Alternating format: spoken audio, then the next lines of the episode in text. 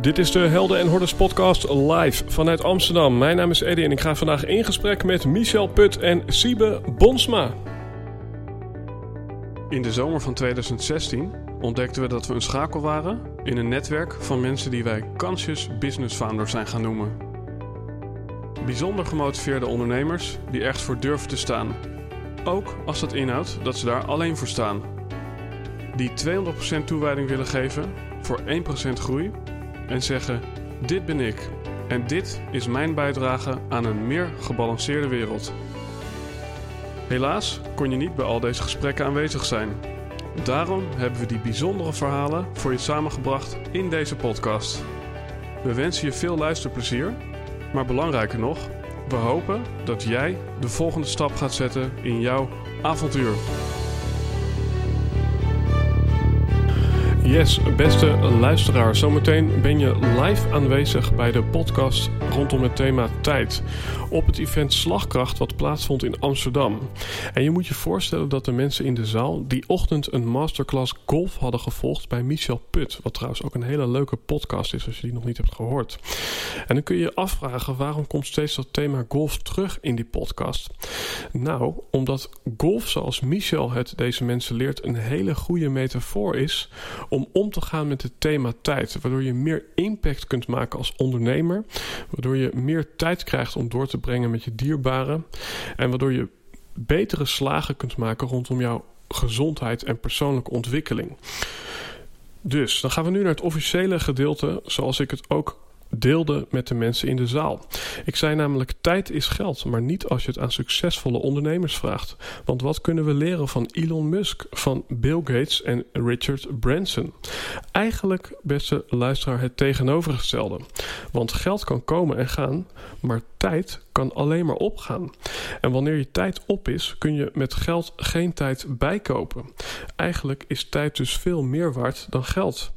En niet voor niets zei Jim Carrey: Ik gun het iedereen om rijk en beroemd te worden, zodat je gaat ervaren dat het ware geluk daar niet zit. En niet voor niets zei Einstein: tijd is relatief. De waarde van jouw tijd wordt bepaald door wat je met je tijd doet. En daarmee ontstonden voor ons een aantal belangrijke vragen. Durven wij bijvoorbeeld de moeilijke keuzes te maken, zodat ons leven op lange termijn misschien wel makkelijker wordt? Of maken we de makkelijke keuzes, zodat het leven misschien op lange termijn juist moeilijker wordt? En hoeveel tijd breng jij door in je zone of genius? En hoeveel tijd maak jij vrij voor je dromen? En heb je veel effectiviteit, kwaliteit en synchroniciteit in jouw leven? En last but not least, hoeveel tijd breng jij door met je dierbaren? In deze vierde Helden en Hordes Live gaan we samen met Michel en Siebe kijken naar het thema tijd. We kijken vanuit het heden naar het verleden om jouw toekomst optimaal vorm te kunnen geven. We slaan een brug tussen jouw vrije tijd, jouw sporttijd en de tijd in jouw werkende leven. Dus Haast je als je tijd hebt, zodat je tijd hebt als je haast hebt. Voel je nog steeds druk? Haal die dan van de ketel. Vliegt je tijd? Vlieg dan met ons mee. Want ik nodig je uit om je tijd nuttig te verspillen met deze super toffe vierde live podcast. Ladies and gentlemen, Siebe Bonsma en Michel Put. Welkom allemaal. Dankjewel. Alright, dan zitten we nu officieel in de inhoud van deze podcast. En dan wil ik even een gekke brug slaan. Ik heb op mijn dertigste ooit een typecursus gedaan. En wat hield die cursus nou eigenlijk in? Het hield in dat ik een maand lang iedere dag ontzettend langzaam moest gaan typen. Helemaal niet fijn. Maar daar stond natuurlijk een beloning tegenover. En dat is dat ik nu sneller kan typen dan mijn compagnon. En dat ik dus ook degene ben die alle offertes mag maken. um, maar heel snel. Maar dat is eventjes een interessante en uh, ja, misschien is het goed, Siebe, dat jij jezelf nu eventjes voorstelt van ja. binnen dit thema tijd. Van, uh, ja, wat is jouw bijdrage, wie ben je en waar kom je vandaan? Ik ben uh, Siebe Bonsma, ik ben eigenaar van Big Five for Life in Nederland. En wij zijn een organisatie die mensen, individueel, maar ook organisaties, teams helpt om in hun kracht te komen. En om, en dat zal ik straks wel even toelichten, zoveel mogelijk museummomenten te maken. Nou, museummomenten hebben ook weer met tijd te maken. Je tijd nuttig te besteden.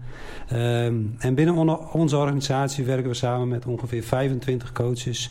die met loopbaan bezig zijn of met individuele coaching of in het onderwijs. Dus dat is mijn achtergrond. Alright. Michel, it's your turn. Wie ben jij? Wat kom je hier doen? Ik ben Michel Put. Ik houd me voornamelijk bezig met het accelereren van leerprocessen op het gebied van golf. Met andere woorden, ik reik mensen tools aan waardoor ze sneller, beter, consistenter zullen gaan golfen. Alright.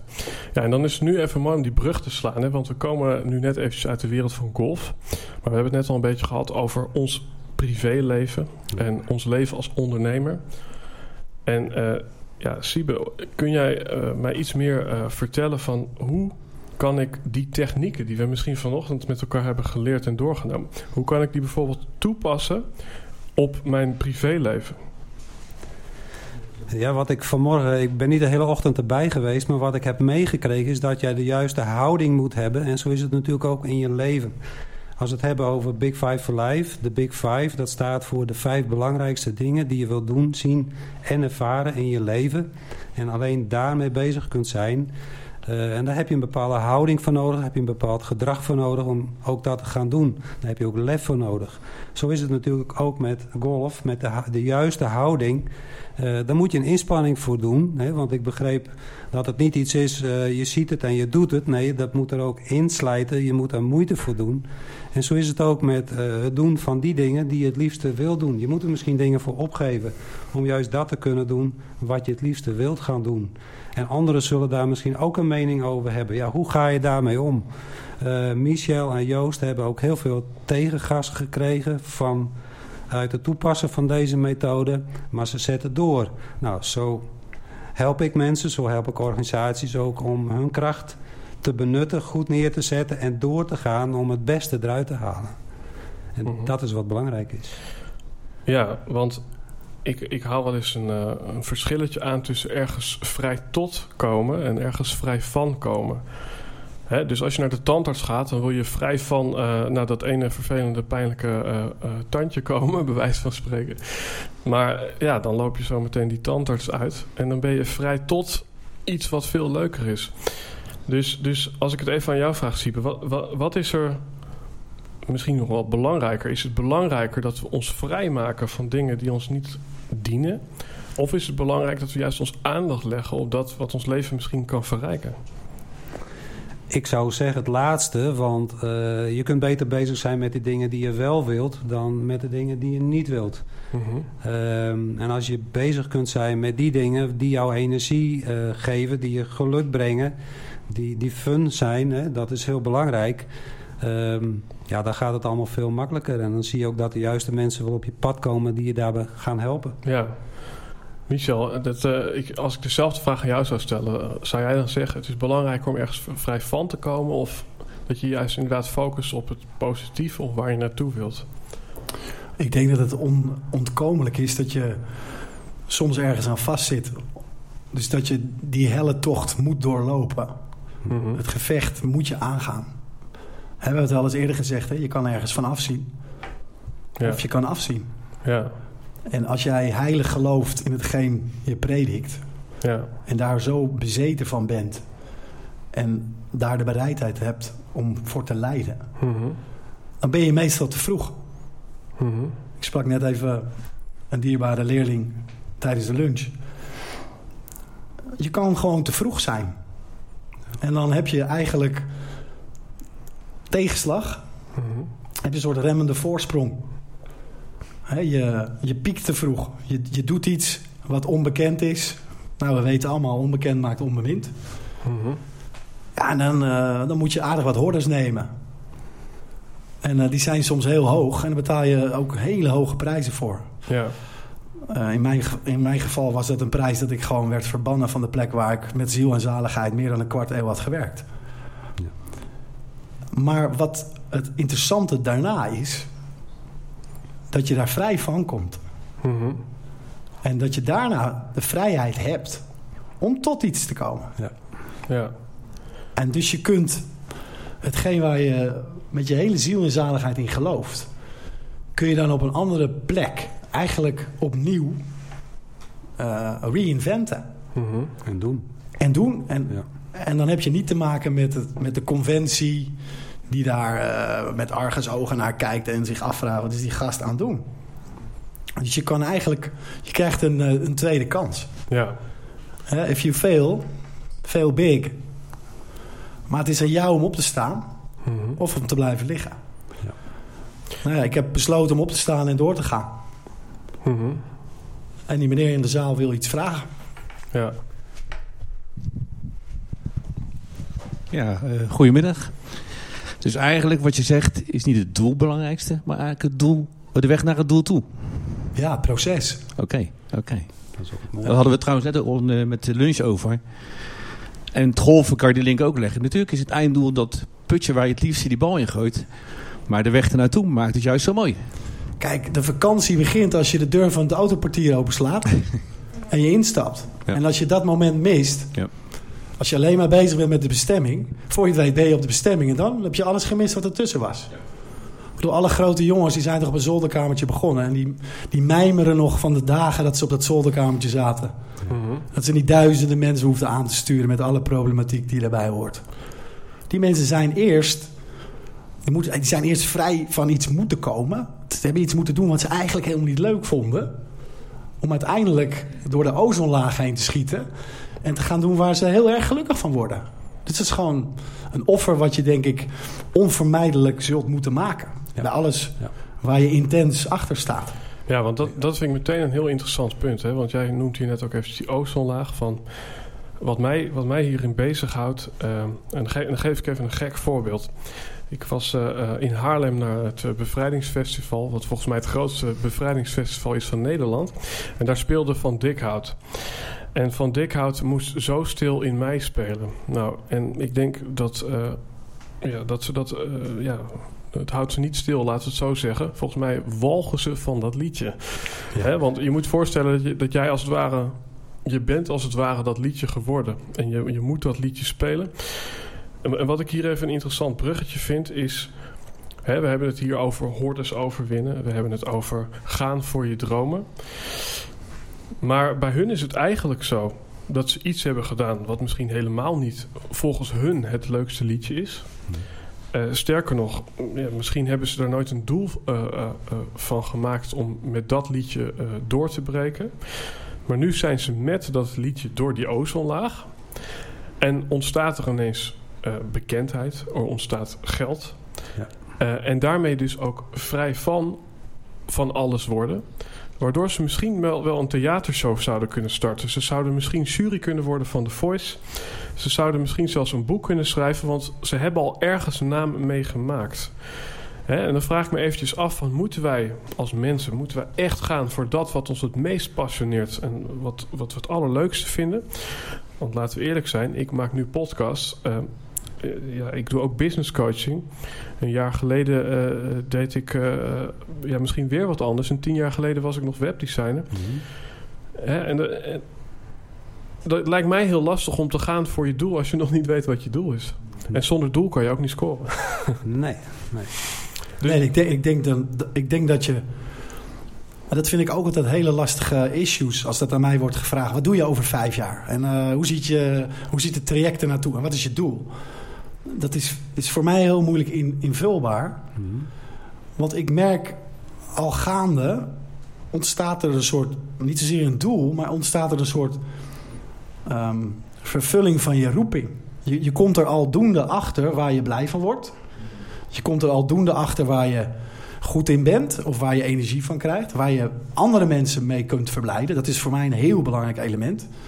Want ja, de glimlach van een ander is... Maakt niet uit hoeveel euro die persoon je dan betaalt, weet je wel. Mhm.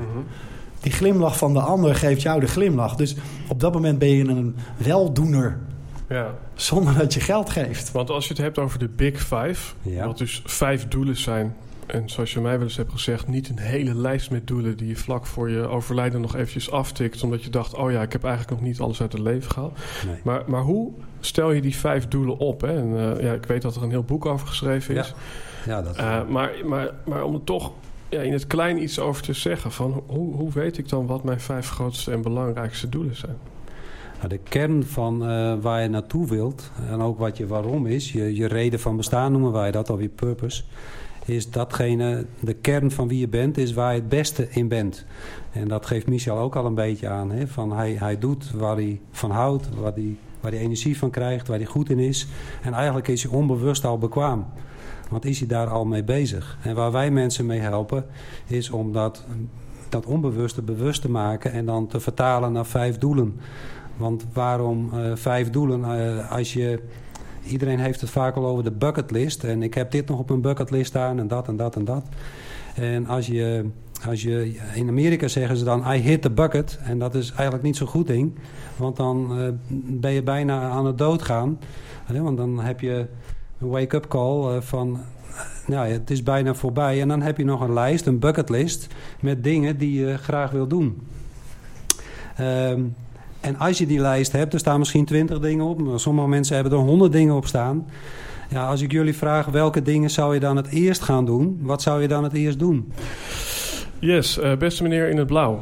De microfoon is voor jou. Ja, vanmorgen natuurlijk een uh, nieuwe swing aangeleerd. Daar sta ik ook wel achter. Alleen uh, bij die swing kwamen twee keer een professional langs. En toen zag ik dus kleine correcties. Alleen omdat die swing heel nieuw is, ga ik dadelijk naar mijn eigen homecourse. Wie gaat mij dadelijk iets anders aanleren uh, van ja, iets kleins... wat je dan toch weer beter gaat slaan. Dus zou ik altijd bij jou les moeten nemen, of niet? Goed verdienmodel, hè? nee, maar het nee. is natuurlijk ook heel nieuw natuurlijk, dit. Ik weet niet, jullie willen dit denk ik uh, in heel Nederland graag uh, voorzien. Nee, het is natuurlijk... Het is om, om, op, om op je vraag antwoord te geven. Uh, jij bent een innovator nu. Je bent een pionier. Dat betekent dat je ergens als eerste komt. Dus niemand weet wat jij doet. Als jij zo gaat staan, komen mensen naar je toe van... Hey gast, welke pil heb jij geslikt? Dat zou er ja. ja. Maar ik ga daar naar een Golf Pro en wat kan ik veranderen? Maar die weten het waarschijnlijk niet. Nee, dus wat dus lastig is... en dat is, dat is waarom het een hell of a job is... to get the message over... Dat kan alleen door ambassadeurs. Dus iets vergroot, verbreedt, groeit... naarmate meer mensen er kennis van nemen... en min mensen de bereidheid hebben om het over te nemen. En dat, dat doen mensen alleen maar als ze instant gevoel hebben van... hey, het werkt... Um, of ze moeten instant voelen dat het de pijn verdrijft.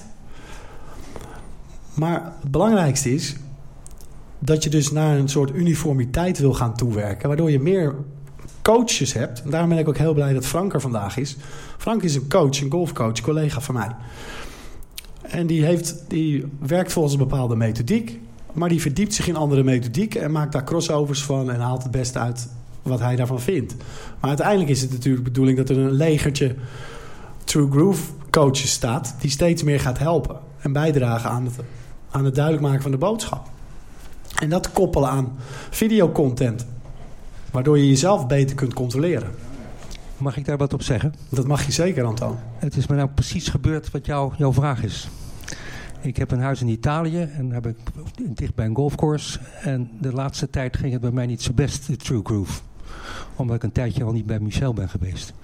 Er is daar een golfpro. Die heeft mij zien stuntelen. En iedereen kijkt me ook al aan of ik Jim Furyk ben. Hè, met die rare bewegingen die je doet. Maar als je uiteindelijk dan toch met zo'n man uh, naar de driving range gaat... dan krijg je toch een hele leuke discussie. Want die man weet ook dat je dus het moment van raken goed moet doen. En dan kan je toch een deel vertellen. En even later hebben we samen toch mijn swing verbeterd. Dus het is, als hij er wat voor open staat en jij weet nu genoeg waarom je dit doet, kom je tot een hele mooie eh, samenspraak. Ja, maar, wat, maar wat je, waar, je, waar je als eerste op duidde, dat is een moeilijke fase. Dat noem ik de grijze fase. Of de Granny Smith tijd.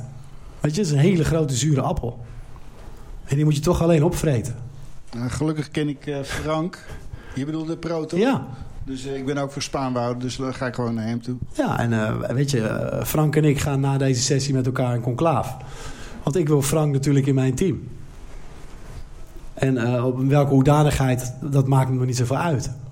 Maar wij willen dit soort sessies gewoon landelijk gaan uitrollen. En daar altijd de crossover maken met iets anders dan golf. Want ik wil niet alleen golfers aanspreken, want ik wil mensen aanspreken. Geeft dat een antwoord op je vraag? Ja, duidelijk. Yes, ehm, wat ik ook een mooi uh, vind, uh, hè, we hebben het over uh, tijd nog steeds, geloof het of niet. En, en als we nou kijken naar tijd, hè, dan hebben we allerlei processen en ontwikkelingen doorgemaakt, misschien wel als mensheid, waardoor we bepaalde processen steeds efficiënter kunnen doen. Dus we hebben bij wijze van spreken een wasmachine waardoor we niet meer zelf de was moeten doen. Maar zo zijn er allerlei processen ja, verbeterd. En er komt nog bij dat we op papier steeds ouder worden. En nu heb ik ook wel eens mensen in mijn podcast gehad die beweren uh, een pilletje te kunnen uitvinden waardoor we met z'n allen duizend jaar kunnen worden. En dat klinkt nog vrij extreem, maar op het moment dat wij ons verouderingscelletje uit kunnen zetten, dan is dat eigenlijk vanaf morgen, morgen al het geval. Dus in hoeverre, en dat is misschien eventjes het vuur aan de schenen, in hoeverre speelt dit thema eigenlijk in de toekomst nog wel? Dat we dat we misschien te weinig tijd hebben of dat, het, dat we er goed mee om moeten gaan? Nou, wat je ziet is dat uh, vroeger was het leven veel eenvoudiger. Had je veel minder prikkels, had je minder afleiding. Nu heb je veel meer afleiding. Dus als je kijkt hoeveel tijd je effectief echt vrij hebt, mm -hmm. is dat niet zoveel. He, de, tegenwoordig op mijn telefoon heb ik dan een, uh, zo'n zo'n zo'n app waarbij je tijd, schermtijd kunt meten. Nou, ga voor de grap maar eens kijken hoeveel schermtijd je op je telefoon, of wat erop staat, hoeveel tijd je op je telefoon doorbrengt. En dan schrik je een hoedje, want het is vaak al een aantal uren per dag. Nou, dan heb je nog Netflix en dan heb je nog allerlei andere afleidingen. Dus hoeveel tijd ben je ook echt bezig met die dingen die je het liefste wilt gaan doen? Want ik durf te beweren dat de meeste mensen, die doen maar wat. Mm -hmm. En zijn niet met die dingen bezig die ze het liefste zouden willen doen. Ja. Omdat dat misschien te moeilijk is of het lijkt onbereikbaar... of ze moeten er dingen voor opgeven, wat Michel ook aangeeft. He, dus dat je door die zure appel heen moet bijten. En uiteindelijk, daar gaat het wel om. He, want als je die dingen doet, doe je wel de dingen waar je het blijste van wordt. Het meest gelukkig van wordt. Ja, want dat is interessant, hè? Want uh, ik kan me voorstellen dat swipen op je telefoon... ook al is dat uitgevonden uh, onder het kopje entertainment... dat het eigenlijk nog minder plezierig is dan uh, koken... omdat je dan in ieder geval het gevoel hebt dat je van betekenis bent. Ja. En in de toekomst hoeven we misschien niet meer te koken. En misschien nu al op sommige plekken niet. Ja, ik, ik heb ook al heel veel mensen met hun Big Five geholpen natuurlijk de afgelopen tien jaar. En ik ben nog nooit iemand tegengekomen die in zijn Big Five of haar Big Five had staan... ik wil zoveel mogelijk tijd met mijn telefoon doorbrengen. Die staat er echt niet bij. En toch, drie, vier uur per dag is heel normaal voor heel veel mensen. Ja. Voor de jongeren is het nog veel meer. Ja, en dat is wat mij betreft een heel actueel thema. En dat is Um, ja, omdat er eigenlijk een gebrek is aan verveling en rust, ja, wordt het steeds lastiger en dat doet een steeds groter appel op onze mindset misschien, om dan toch bewust te kiezen hoe we onze tijd gaan besteden. Ja. En, en hoe, hoe vechten we tegen, uh, noem het maar even, het social media monster? En, en hoe vechten we tegen alle producten in de supermarkt vol met suikers, waardoor we misschien nog vermoeider raken? En ja. Hoe, hoe, vechten we misschien tegen het beeld van uh, hoe we eruit moeten zien? En dat we daardoor misschien ons halve leven zometeen in de sportschool zitten. Ja, dan eigenlijk heb je het over het woord authenticiteit. Jezelf kunnen zijn. En uh, mijn ervaring is als je dat doet waar jij blij van wordt, dan ben je jezelf. En uh, wat een ander daarvan vindt, ja, met een raar woord gezegd, fuck it. er niks van aantrekken, gewoon doen. Maar hoeveel mensen doen dat? Ja, maar de het, mensen het, die het doen, die zijn vaak succesvol. Ja, maar het lastige is dus dat, dat er mist voor mijn ogen zit. Dus ik, ik, ja, ik, ik kan wel dicht bij mezelf willen blijven. Maar op het moment dat er de hele tijd allemaal meldingen voorbij komen... Ja. en allemaal vrienden die een sixpack hebben die ik dan ook moet volgen... en dan uh, komt er ook nog een reclame tussendoor... tussen al die meldingen van uh, koop uh, dit pak met suikerkoekjes. Dus, dus dus, dus hoe bouwen we die helderheid, die rust in om daarbij te blijven? Dat is eh, door het doen van kleine stapjes. je, hebt ergens een doel uh, waar je naartoe wilt. Maar misschien durf je niet of vinden andere mensen daar iets van. Maar door toch die kleine stapjes te zetten, misschien maar een paar minuten per dag daaraan te besteden, dan ga je hersens ook trainen als het ware. Net als met die swing ga je hersens ook trainen om iets anders te gaan doen. Zo ga je dan ook elke dag of elke week ga je met kleine stapjes ga je jezelf leren, trainen om toch die dingen te doen waar jij het liefste mee bezig bent. Waar je blij van wordt, om die dingen uit te gaan zoeken. Ik denk ook dat het een reis is aan zich. Ja. Eh, als je aan iemand vraagt, wat doe je het liefst? Is dat een hele vervelende vraag. Want ja, misschien weet je nog helemaal niet wat je het liefste doet. Als ik aan mijn zoon vraag van 18, wat, doe je het, wat zou je willen doen? Dan kan hij daar geen concreet antwoord op Nee. geven. Dat is een probleem tegenwoordig. Nou, dat is denk ik niet een probleem van tegenwoordig. Ik denk dat het een probleem is dat het, zich, dat het eigenlijk geen probleem is. Het is alleen een, een traject. Mhm. Ik, ik kon altijd vol bewondering naar kinderen luisteren... die meteen wisten toen ze zeven waren... ik word dierenarts. Ja. Ik weet het op de dag van vandaag niet wat ik wil worden. Nou, als je het over de factor tijd hebt, eh, wij begeleiden best wel veel jongeren, drop-outs op scholen. En ik heb, met die jongeren heb ik echt te doen, want die zijn soms drie, vier keer met een opleiding gestopt. eh, zijn doodongelukkig. Eh, doen wat anderen, vind, hè, wat anderen zeggen wat ze eigenlijk moeten doen. Maar hebben niet bij zichzelf gevoeld en ontdekt wat ze het liefste zouden willen doen. Nou, wij kunnen met onze, ons concept kunnen wij die jongeren helpen. En je wilt niet weten wat voor reacties we daarop krijgen van die jongeren. Omdat ze ja, weer focus hebben, weer perspectief hebben. Maar niet alleen van die jongeren zelf, want dat is een rimpeling die natuurlijk veel verder gaat. Ik weet niet of jullie zelf eh, kinderen hebben die moeilijkheden hebben met leren of niet weten wat ze willen. Maar dat heeft ook impact op je thuissituatie. Mhm. Ik ben eens een ouder tegengekomen, die kwam ook bij ons in de training, waarvan de zoon ook had ontdekt wat hij dan gelukkig wilde gaan doen met zijn opleiding. En die vertelde mij, Siebe, je wilt niet weten wat voor rust dat heeft gegeven binnen ons gezin. Omdat we altijd eh, strijd hadden, altijd spanning hadden, omdat hij niet wist wat hij wilde gaan doen. En dus allemaal kattenkwaad uit ging halen. Ja, dat is ook niet wat je voor je kinderen wil, denk ik. Ja, criminaliteit noemen we dat tegenwoordig. ja. Precies, ja. Eh, ja, ik wou eigenlijk even inhaken op ehm, eh, dat je eh, ja, dus zoveel op Instagram ook over social media afleiding hebt eigenlijk. En dat er, dat er heel veel mensen ook eigenlijk misschien niet beseffen dat je een keuze hierin maakt. Ik, ik heb bijvoorbeeld, ik, ik eh, kijk al drie jaar geen nieuws. Ik heb geen tv op mijn kamer. Ik kijk ook geen tv. Ik heb geen idee wat er allemaal voor programma's zijn. En Netflix ook niet eigenlijk. Nee, Maar ehm, dat doe ik zodat ik me ehm, ja, kan focussen op wat ik aan het doen ben. En ook omdat ik het met nieuws uiteindelijk het effect van de beelden die ik kreeg van het nieuws, wat veel heftiger voor mij waren, waar ik een heel negatief gevoel achteraf van kreeg, waar ik niks mee kon. eh, dat, dat- daar heb ik een keuze in gemaakt. Maar dat is ook met het volgen van bepaalde mensen. Als je gaat kijken op je Instagram van ja, wie volg ik nou eigenlijk echt? En wat wil ik eigenlijk volgen? Want er zijn zoveel interessante mensen op Instagram of social media, dingen waar je wel wat van kan leren. Waar je die uren dat je op social media zit, van als je die dan goed besteden kan, Ja. waar je wat van kan leren. Want er zijn heel veel inspirerende mensen. zeker. En eh, ik denk dat je daarin ook gewoon heel erg moet gaan kijken wat er voor jou belangrijk is. En niet voor vergelijk met wat een ander. eh, Ja, dan ben ik eventjes benieuwd. Hè? Eh, hoe, heb jij, hoe heb jij die keuze dan gemaakt, even voor de mensen hier, om ja, te kiezen om te stoppen met nieuws? Niet dat dat nou de manier is, maar voor jou was dat een belangrijke keuze. Ehm, ja, dan zou je. Er is een klein achtergronddingetje bij. Ik heb bij de politie gezeten. Ik ben politieagent geweest. En ehm, eh, eigenlijk eh, heb ik een burn-out gekregen. En toen heb ik mijn, ehm, ja, mijn leven omgegooid. En ehm, tijdens dat werk moest ik ook op- up-to-date zijn van dingen die er in de wereld gebeurden. Maar zie je ook heel veel beelden. eh, wat voor mij heftig was. En ik merkte gewoon heel erg dat ik daar heel gevoelig voor ben. Ik ben nu kunstenares, dus heel beeldvisueel de, gevoelsmens. Dus voor mij heeft, hebben beelden heel veel impact. Ja, eh, en als ik dan keek naar eind van het nieuws... eh, nu ook als ik het nieuws hoor op de radio... denk ik, "Bleh, wat gebeurt er allemaal? Mhm. Ja, Ja. eh, het wordt alleen maar uitgelicht wat er negatief is. En wat heb ik er nou eigenlijk? Mensen zeggen, je moet op de hoogte blijven. Ja, ik hoor wel als er echt iets hier in de buurt is. Ik ben met mijn eigen...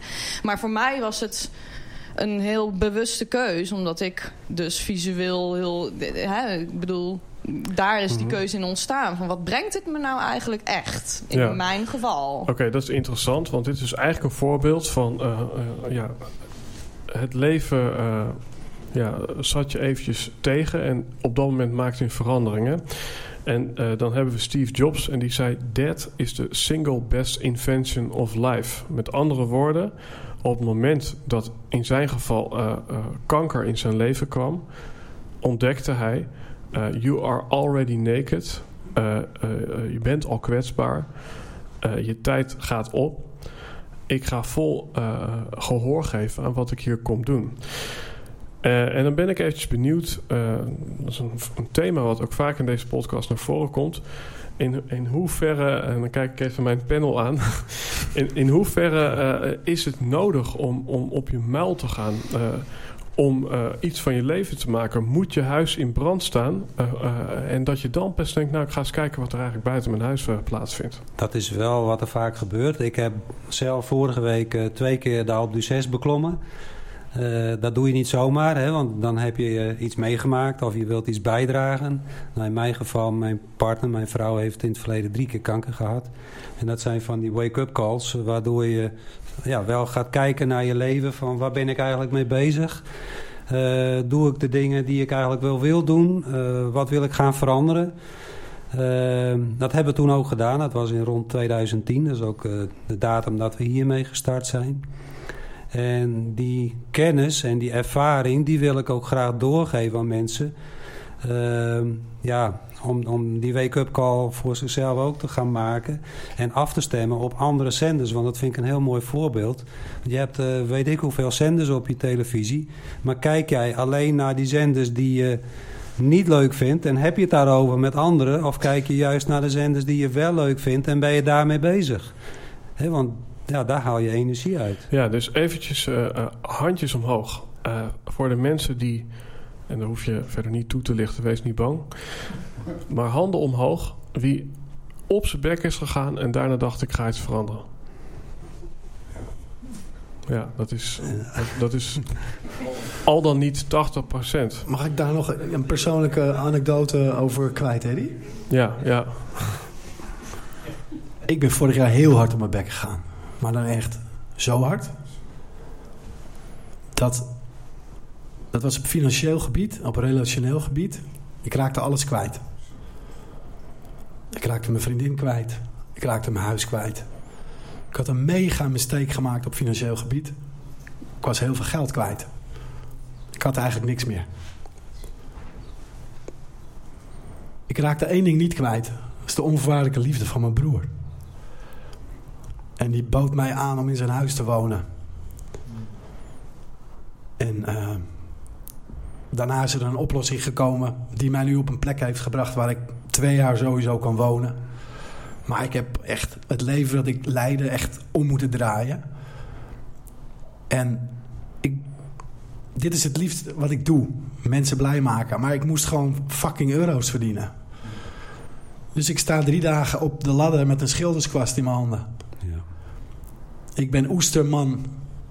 Omdat ik het leuk vond. Maar nu vind ik het nog steeds leuk. Maar nu helpt het bijdragen aan het redden. Ja. Ik organiseer graag e- evenementen.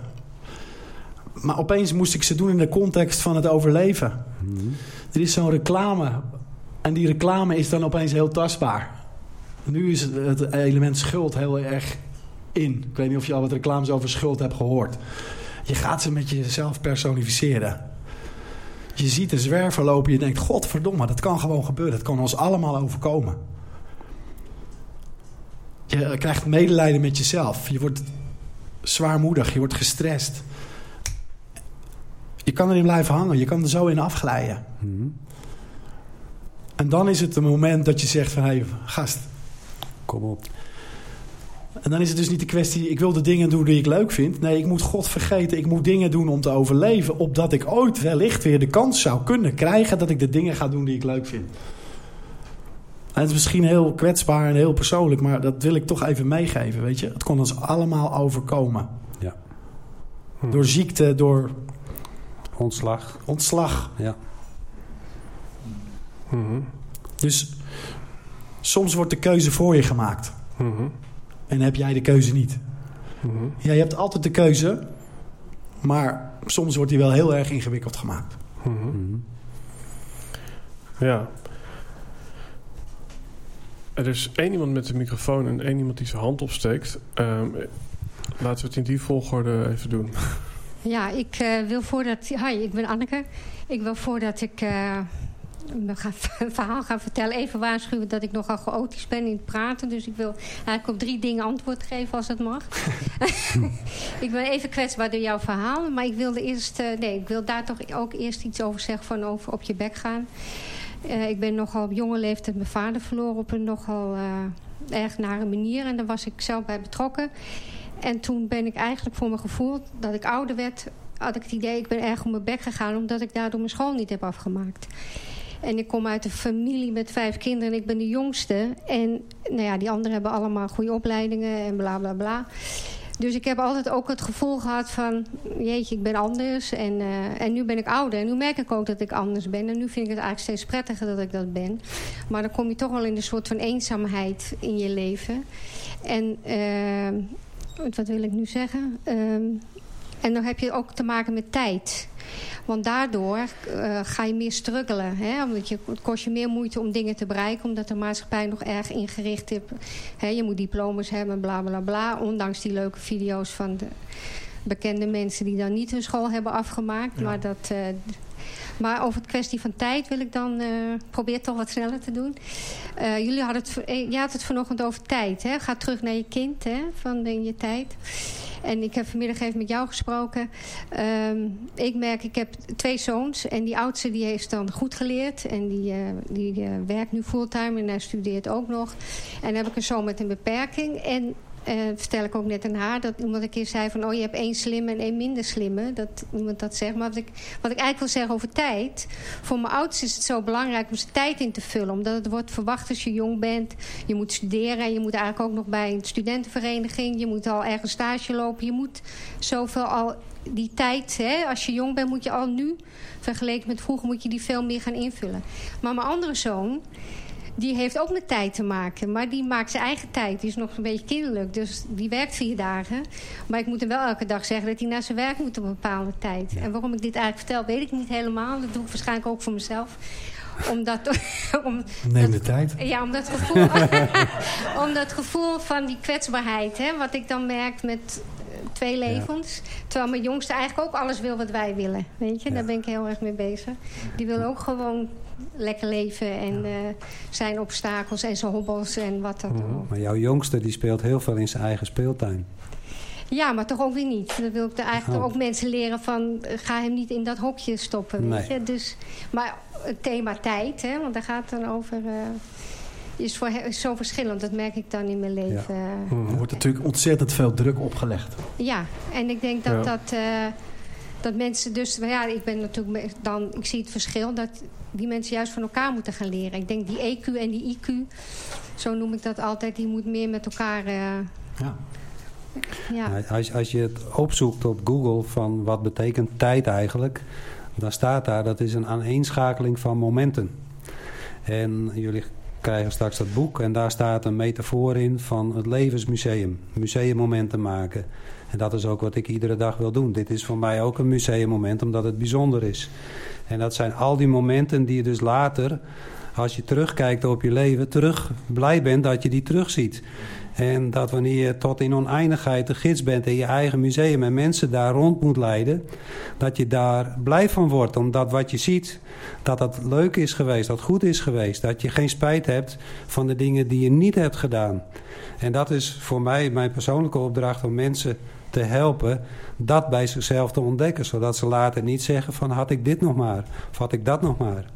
Ik hoop later op een keer dat ik s ochtends opsta en kan zeggen van... stel nu dat het leven nu voorbij is, vandaag, terwijl ik gezond ben, dan zou het goed zijn. Want ik heb alles gedaan wat ik heb kunnen doen. Ik heb geen spijt van de dingen die ik niet heb gedaan of fout heb gedaan, maakt niet uit. Maar dat gun ik iedereen. Ja, ik merk ook, naarmate ik ouder word nu, van om dingen nee, nee te zeggen tegen dingen. En dat zie ik dan ook als tijd. Mm -hmm. hè? Dat je niet overal ja. ja tegen zegt, maar als je dan nee zegt... wil niet altijd zeggen, als je dan meer tijd overhoudt... dat je het ook gelijk goed invult. Maar bij mezelf komt nu meer het besef... hé, hey, die tijd, hoe ga je dat invullen? Je bent er nou ja, bewust mee bezig. Wat ik ja. interessant vind... Uh, uh, misschien is, is tijd wel een luxe probleem, want... eh, ik heb laatst een, uh, een, uh, ja, iemand gesproken die zei: ja, het schijnt dat veel mensen in Afrika vaak gelukkiger zijn en het leven betekenisvoller vinden dan wij. En dan kun je afvragen: ja, hoe zit dat dan? Hè? Want wij zitten hier lekker warmpjes binnen, hebben lekker gegeten, we hebben eigenlijk alles. Maar op het moment dat je inderdaad die, die schaarste wel hebt, dan heb je wel onmiddellijk ook betekenis. Want je weet waar je bed voor uitkomt, namelijk om jezelf of je kinderen te eten te geven. Om gezond te blijven, om het einde van de dag te halen. Maar wij zitten hier eigenlijk een beetje in een onnatuurlijke staat volgens mij. Want het is volgens mij voor het eerst in de geschiedenis dat eigenlijk we in ons basisbehoeften volledig voorzien zijn. En dan moeten we maar uit gaan vogelen wat, uh, wat we, met, wat we met de overwaarde doen, zeg maar. Ja, ja en, en, en, en daarom vind ik het ook heel interessant van om, om ook nog eventjes, voordat ik deze meneer aan het woord laat, de vraag te stellen van wie weet er op dit moment uh, ja, wat, wat zijn levensmissie is. Of wie heeft het gevoel van nou, ik zit echt on track. Ik ben bezig met datgene waarvoor ik hier ge gemaakt ben. Mm -hmm. Super. Het is ongeveer 50 procent. Ja, en ik denk dus die 50% die dat niet weet, dat, dat lijkt mij ook heel logisch op een bepaalde manier. Om daar even op terug te komen, Eddie, wij hadden het net over Afrika. Er zijn een aantal gebieden in de wereld, die noemen ze de blauwe zones. Ik wil wellicht, zeggen. wellicht van gehoord? Ja. Oké, okay, en waarom zijn die mensen daar uh, significant gelukkiger dan in andere gebieden van de wereld? Dat heeft een aantal redenen. De eerste reden is dat ze gezond eten. De tweede reden is dat ze regelmaat hebben. De derde reden is dat ze zingeving hebben. Ze doen iets wat zin heeft en zin geeft. Ja.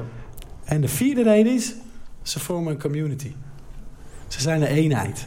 En in onze individualisering zijn we eigenlijk het commune gevoel, het sectegevoel, de, de groepsbeleving zijn we kwijtgeraakt. En dat geeft heel veel distortion en heel veel ja, Mhm. ja, perso pers persoonlijke Mhm, issues, ja. weet je. We staan er niet meer als groep. Er moet iets, er moet iets heftigs gebeuren, willen we weer opstaan. Dan staan we Ja. met ons kutvlaggetjes voor het Nederlands elftal. Dan zijn we weer allemaal wakker. Ja, die mensen die 100 jaar en ouder worden in Griekenland, hè, in die blauwe Ja, zones, ja. die hebben iets om voor te leven. Maar die zijn ook altijd in beweging. Ik was vorige vorig jaar in Griekenland op zo'n eiland. En dan zie je oude vrouwtjes nog eh, door de straten lopen, omhoog. Met het zakken en alles, eh, echt tillen. Maar die doen het nog gewoon. En ze zijn gezond en vitaal. En ze zijn nog goed bij. Mhm. En dat is de verklaring. ja. Deze meneer die heeft de microfoon. Ja, even terug van eh, het moment van beslissing. Een hoop mensen nemen pas een beslissing als je op je bek bent gegaan. Hè, dus eh, als ze dat beter hadden ge- gekund en beter hadden gecoacht... waren ze misschien eerder overstag gegaan. Maar vaak op je bek gaan is noodzakelijk om je te dwingen tot een goede beslissing. Dat is nummer één. Twee, we praten hier over happiness. Eh, ik ondersteun een project dat heet Gelukskoffer. Dat zijn twee jonge meiden. Ja. Die hebben gestart. De ene was coach inderdaad voor wat eh, oudere CEO's. En in die coaching kwamen ze elke keer weer tegen dat de problematiek in de jeugd lag. Toen dacht ze eigenlijk, dan kan ik beter met kinderen beginnen. Dus die heeft een heel mooi concept bedacht voor scholen. Dus wat doen we in bij de gelukskoffer? Daar leiden we leraren op. Die uiteindelijk lesgeven op school in geluk. Want dat is wat we nooit geleerd hebben. We weten niet wat geluk is. We zitten hier allemaal te praten over gelukkig zijn. En als je gelukkig bent, ben je dus schijnbaar goed bezig. Dus, maar wat is geluk? Nou blijkt dus uit het onderzoek wat we gedaan hebben... en dat ook samen met Harvard... dat 40% van je geluk bepaal je totaal zelf. Het heeft niets te maken met je achterkomst, met je intelligentie of wat dan ook. Dus je moet leren die 40% in te vullen. Nou, daar zijn allerlei leuke trucjes voor. Maar het gaat erom, als je gelukkig bent... dan maak je ook de juiste doelstellingen in je leven... en dan doe je de juiste dingen. Mhm. Dus ja, ik denk dat we daar naar moeten streven. Mooi voorbeeld. En de, en de relatie natuurlijk, hè, die, je- die je hebt met die 60%. Dus, dus hoe ga je om met die 60%? Dus ik denk dat dat ook een groot onderdeel is van je geluksbeleving. Dus inderdaad dat die 60% is dat je misschien ziek wordt of ja, je geld kwijtraakt. En hoe verhoud je je daartoe? Of dat je met je 40% bezig bent. Ook, ook daar Ja, heb je ja. invloed op. Ja. Ja. Ja. Mhm. Want als je gelukkig bent, dan blijf je ook langer gezond. Mhm. Die blue zones zijn die mensen zijn gelukkig. Precies. Mhm. Ja. Dus we zitten hier ook, eh, ook even een vraag. Hè. Hoeveel mensen hier eh, in deze ruimte hebben een eigen onderneming of werken freelance? Oké, dat is ongeveer iedereen. En dan is het interessant om te kijken hoeveel van deze mensen eh, ja, zeggen wie ik ben als persoon. Ja, dat, dat wordt direct doorvertaald naar dat wat ik doe als ondernemer of ZZP'er. Ja, en dan komen we weer op 50% uit. Dat is interessant. Want dat vind ik ook meteen een interessante vraag. En misschien dat een van jullie het weet. Is dat nodig? Is, is het nodig om van jouw verhaal jouw business te maken? Dus om jezelf in je bedrijf uh, te integreren met al je talenten, maar ook met je levensverhaal. Of zeg je nee, een mens heeft meerdere rollen. Net zoals dat je iemand anders bent, waarschijnlijk in de aanwezigheid van je moeder dan in de aanwezigheid van een goede vriend. Dan laat je een andere kant van jezelf zien. En dat je jezelf weer net iets anders laat zien bij bijvoorbeeld een kind. Hè, dus is het noodzakelijk om je onderneming samen te laten vallen met je privéleven? Ik denk dat het wel helpt als, als er een coherentie is tussen wie jij bent en waar je voor staat. Mm En dat, dat, dat reflecteert op je onderneming. Ik denk dat dat wel helpt. Mhm. Het is onlosmakelijk met elkaar verbonden. Wil je succesvol zijn? Dat zou zomaar kunnen. Want je kunt niet in, iemand anders in je werk zijn dan privé. eh, klanten, om het zo maar te zeggen, die prikken daar gelijk doorheen. Ja. Als je, als je dat doet waar je hart eh, sneller van gaat kloppen, dan zien de mensen dat, ze voelen dat. En Ja. daarom komen ze ook juist bij jou, bij jouw bedrijf, eh, omdat ze merken dat je gepassioneerd bent. Ik vind dat toch interessant, zeker even voor de luisteraars thuis ook, omdat we nu op dit moment in een ruimte zitten. En de ruimte naast ons wordt op dit moment een aflevering van Goede Tijden, Slechte op, Tijden opgenomen. Oké. Ja, maar als je, het, als je het hebt over die acteurs, dat zijn duidelijk andere types. Dus die zijn 24-7 eh, ja, achter de camera, iemand anders dan voor de camera. Mhm. En dat is een wereld van verschil. Ja. Dus dat is een, een, een, een slechterik op televisie, maar Ja. is, is misschien een goeierik in zijn privéleven. En, Ja. en dan vraag ik me toch af, ja, waar zit dan in die rol eh, die persoon? Dat vind ik dan toch een interessante vraag. Dat is er ook. Is altijd leuk, hè? ik mag de vraag stellen, ik hoef niet met de antwoorden te komen. Hier Ja, komt ik- het ik- antwoord. ik- ik- op dat acteren in te gaan, denk ik dat je passie acteren is. Dus je vak gewoon met passie Mhm. uitoefent welke rol dat dat zo, ook zo, mag, zo mogen zijn. Dus je, als je met passie acteert, dan zou je ook een goede acteur zijn en je het volledig kunnen inleven in iets.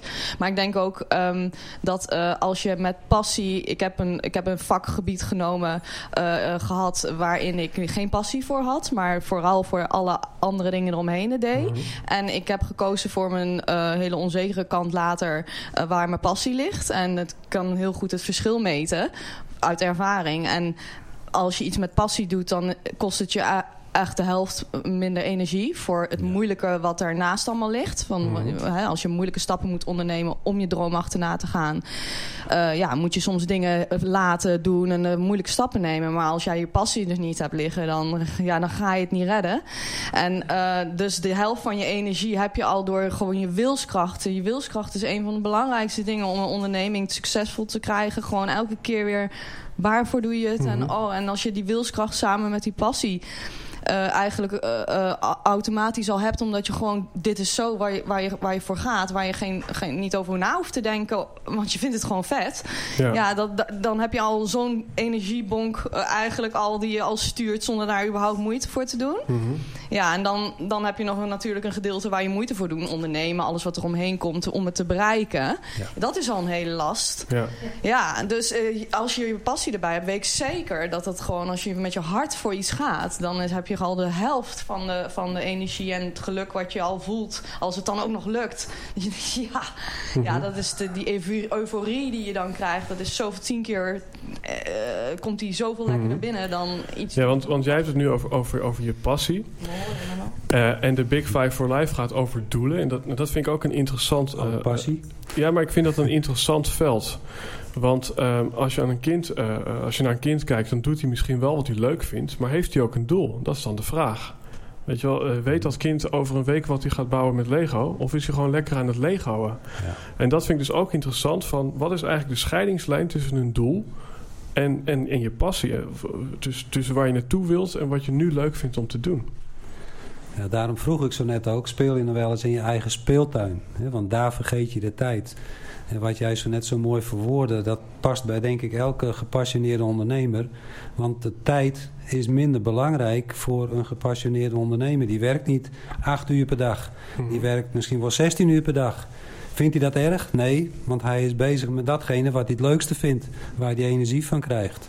Als je medewerker bent, werknemer bent en je doet dingen die je niet leuk vindt, ja, dan ben je eigenlijk je tijd aan het verkopen. Want van maandag tot en met vrijdag verkoop je jezelf tussen eh 8 en 5 uur of zo. En dan s'avonds en in het weekend, dan pas ga je leven. Want dan kun je dingen doen die je leuk vindt. En dan is tijd wel weer een issue. Als kind, het is ook, dat is wat ik vanmorgen ook aangaf. Zo'n kind verliest zich in de tijd. Ja. Die heeft geen enkel besef van tijd. Want die is iets aan het doen waar hij blij mee is. En wat het doel van Ja. wat hij aan het doen is, dat heeft hij helemaal niet gedefinieerd. Ja, hij dus- is gewoon blij met wat hij aan het doen is. Dus het interessante is, en dat is misschien ook wel als je naar het dierenrijk kijkt, hè, die weten waarschijnlijk ook niet hoe laat het is. En eh, ik, ik weet nog hoe eh, tevreden, ik kijk mijn broertje aan die hier de video maakt, hoe tevreden onze kat zeg maar in een hoekje lag. eh, terwijl wij wisten dat hij een dag later ingeslapen zou worden, maar dat beest wist van niks. Die was gewoon gelukkig. Weet je? Dus, hè, dus het is ook interessant om te kijken van, hé, hey, is het niet misschien zelfs zo dat daar waar geen tijd is, daar is het geluk? Want daar waar je de tijd vergeet, Ja. is het misschien wel. Eh, daar achter in de hoek, eh, dat ventje met dat petje. Voor de luisteraar, dat is Alex van der Werf. Ook een hele mooie podcast. Ik, eh, nou ja, ik heb er ook over nagedacht voor mezelf. Want inderdaad, als je in flow bent en je, de tijd gaat eigenlijk voorbij... is ook een moment dat je eigenlijk niet echt heel erg bewust bent... van wat je op dat moment aan het doen bent. Precies. Dus ehm, is het dan het doel om in de flow te komen... waardoor je eigenlijk de tijd vergeet? Maar hoe- hoeveel leef je dan? Want eigenlijk ben je helemaal niet bewust van wat je aan het doen bent. Je hebt helemaal niet door wat je aan het doen bent. En bij mij is de laatste tijd heel erg ontwikkeld om door middel van een journal elke ochtend te beginnen, of vier, vijf dagen in de week te beginnen met op te schrijven waar ik dankbaar voor ben. En als ik dat aan het doen ben, dan is het heel leuk om doelen te stellen, maar vanuit een plek die eh, vanuit dankbaarheid komt. En dat geeft eigenlijk al een soort van gevoel van, hé, hey, het is eigenlijk al goed genoeg. En toch heb ik nog doelen. En eh, op die manier kan ik dus meer waarderen dat ik eh, ergens nog niet ben. Ik kan meer waarderen, waarderen dat ik ergens naartoe werk. En ik kan meer waarderen, als ik wel in flow ben. Dus het is een soort van drieluik... die voor mij alle drie eigenlijk heel erg nodig zijn... om optimaal te genieten. En eh, toen dacht jij ineens... want we willen tegenwoordig maar de flow zijn, de flow worden. Maar in hoeverre ben je dan ook echt aan het leven... en ben je bewust van wat je op dat moment ervaart? Ja, want dat vind ik, eh, vind ik een mooi bruggetje naar, naar een vraag waar ik zelf eh, vanochtend mee rondliep. We hebben hier een boek op tafel liggen, The Big Five for Life. Hè, dan ben ik ja, soms een woordkunstenaar en dan heb ik het over de Big Five for No Life. Hè, want in hoeverre ja, belemmeren, hè, dat is misschien een gekke vraag, maar in hoeverre belemmeren die vijf doelen je van het tevreden zijn in het hier en nu? Want op het moment dat jij nu weet waar je morgen wilt staan, zit er niet dan ook een soort standaard ontevredenheid in, in, in- in- ja, met, met het leven van vandaag? Als je je Big Five eh, voor jezelf goed hebt geformuleerd, dan gebeurt dat niet, denk ik. Hè, het is niet een abstract iets wat hoger is, wat, wat misschien over tien jaar te bereiken is. Eh, voor mij is eh, een van mijn Big Five is inspireren en van elke dag een museumdag maken. Dus heel bewust zijn met elke dag, met de tijd die ik, die, die ik doorbreng elke dag. Zodat ik aan het einde van de dag kan zeggen, het was een goede Mhm. dag. Ik heb er een mooie dag van gemaakt. En dat hoeft niet heel groot te zijn, dat kan heel klein zijn. Ik heb vier kleinkinderen. Nou, als die bij ons thuis zijn, heb ik de dag van mijn leven bij wijze van spreken. Want dan kan ik me helemaal niet verliezen. En dan maak ik ook tijd Mhm. voor vrij om daarbij te zijn. Ehm, staat dat in mijn Big Five? Ja, ertoe doen, museummomenten maken. Dat is wat ik belangrijk vind. Ja, Ehm, en dat kun je groot zien, maar dat kan ook heel klein zijn dus. ja. Ja want ik, ik zie mezelf nog eh, op een gegeven moment... eh, ja, was mijn ochtendroutine, zoals Alex net een mooie uh, routine beschreven, was dat ik en een TED-talk keek en daarnaast mijn doelen voor die dag opschreef. En ik ging mediteren. En ik deed push-ups. En ik had een, een green smoothie. Uh, en dan heb ik het koud douchen nog niet genoemd. Uh, moet ik nog even doorgaan. Maar je kunt je voorstellen dat op, op dat moment ja, het, het, ja, het doel een soort van podium krijgt. Verplichting wordt. waarin ik op een gegeven moment echt werd teruggeroepen. Hè. Ik, ik, ik host nu de Helden en Hordes podcast... waarin het woord horde staat voor obstakels... maar ook voor de massa die er op een gegeven moment wat van gaat vinden. En uh, dat kan of zijn omdat je goed bezig bent... maar soms ook gewoon uit liefde om je te waarschuwen. En die waarschuwing die heb ik gehad. Mensen zeiden van, moet ik je komen redden als je opstijgt? en, ja, uh, en, en dat vind ik dan interessant. In hoeverre worden die doelen ja, niet, weer, niet iets kramp, krampachtigs. Uh, waardoor we vergeten dat we misschien net zoals die kat die niet weet of die morgen nog leeft, gewoon er vandaag wat uh, van te maken. Ja, wat ik proef aan jouw opmerking is dat die doelen je haast gingen beknellen. Ja. Die gingen je eigenlijk beperken in je tijd. Mm -hmm. Want je had zoveel doelen op een dag dat je door de boom het bos niet meer kon zien. En, en eigenlijk alleen maar bezig was met het realiseren van je doelen. En dus vergat eigenlijk om te leven. Nou, het interessante is als je het heel letterlijk neemt... van uh, uh, zonder doel kan je niet scoren, zei Cruijff. Ja. Uh, maar stel dat het hele veld staat vol met doelen... dan vergeten we misschien gewoon dat we aan het voetballen zijn. ja. ja. Maar kreeg je er ook energie van, Eddie? Van al die dingen ja. die je deed? Nou, nee, de, eigenlijk niet. Nee, dat is het denk ik. Dat is het verschil. Nou ja, het, het, was, het, het, stond ook te ver van me af. En dan komen we misschien ook terug bij dat beginstuk van hak het in kleine stukjes. Ja. Uh, ik denk dat de meeste nieuwjaarsdoelen dus ook fout gaan... doordat we er te veel tegelijk proberen aan te pakken in een te hoog tempo. Te grote stappen nemen. Ja. ja. En, en, de, en de bereidheid missen om ze echt te realiseren. Dus de, de wilskracht ontbreekt.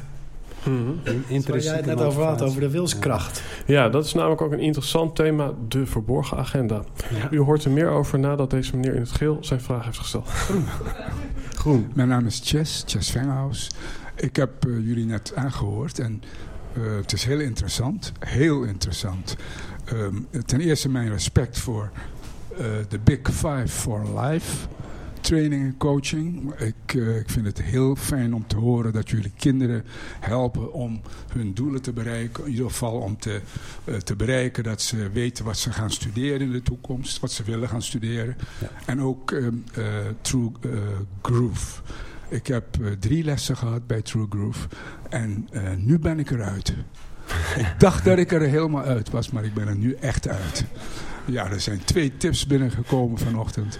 Ja, je bent er geweldig. In. Ik ben, ja, maar, Into the groove.